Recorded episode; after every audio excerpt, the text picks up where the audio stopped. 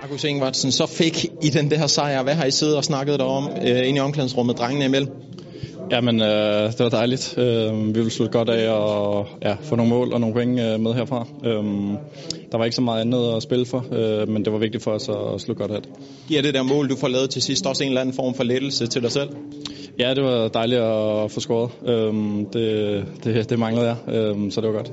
Ja, for evalueringen for dig selv på den her turnering personligt, hvordan lyder den fra din side?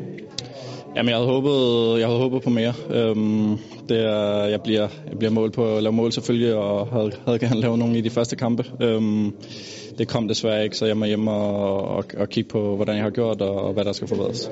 I optakten havde vi fokus på, hvor mange agenter, scouts og sådan noget, der er til sådan en turnering, og du har også selv øh, åbnet op for, at du gerne vil videre. Hvad tænker du øh, efter sådan en turnering omkring øh, dine muligheder efter det her? Jo, men jeg tror stadig, der, der er muligheder. Øhm, jeg havde selvfølgelig håbet på at kunne fortsætte med lige så mange mål og, og køre videre på den bølge. Øhm, sådan gik det desværre ikke, øh, men, men jeg tror nok, der skal, der skal være noget. Var det irriterende at se Kenneth Soror have den succes, øh, når han fik lov at starte i dag i stedet for dig? Nej, jeg var glad på hans vegne. Jeg synes, øh, han kom ind og gjorde det fremragende. Øhm, jeg synes, alle dem, der kom ind, øh, som ikke har spillet så meget, gjorde et rigtig godt stykke arbejde, og der blev virkelig arbejdet igennem. Øhm, så det var, det var, ja, det var rigtig stærkt. Yes.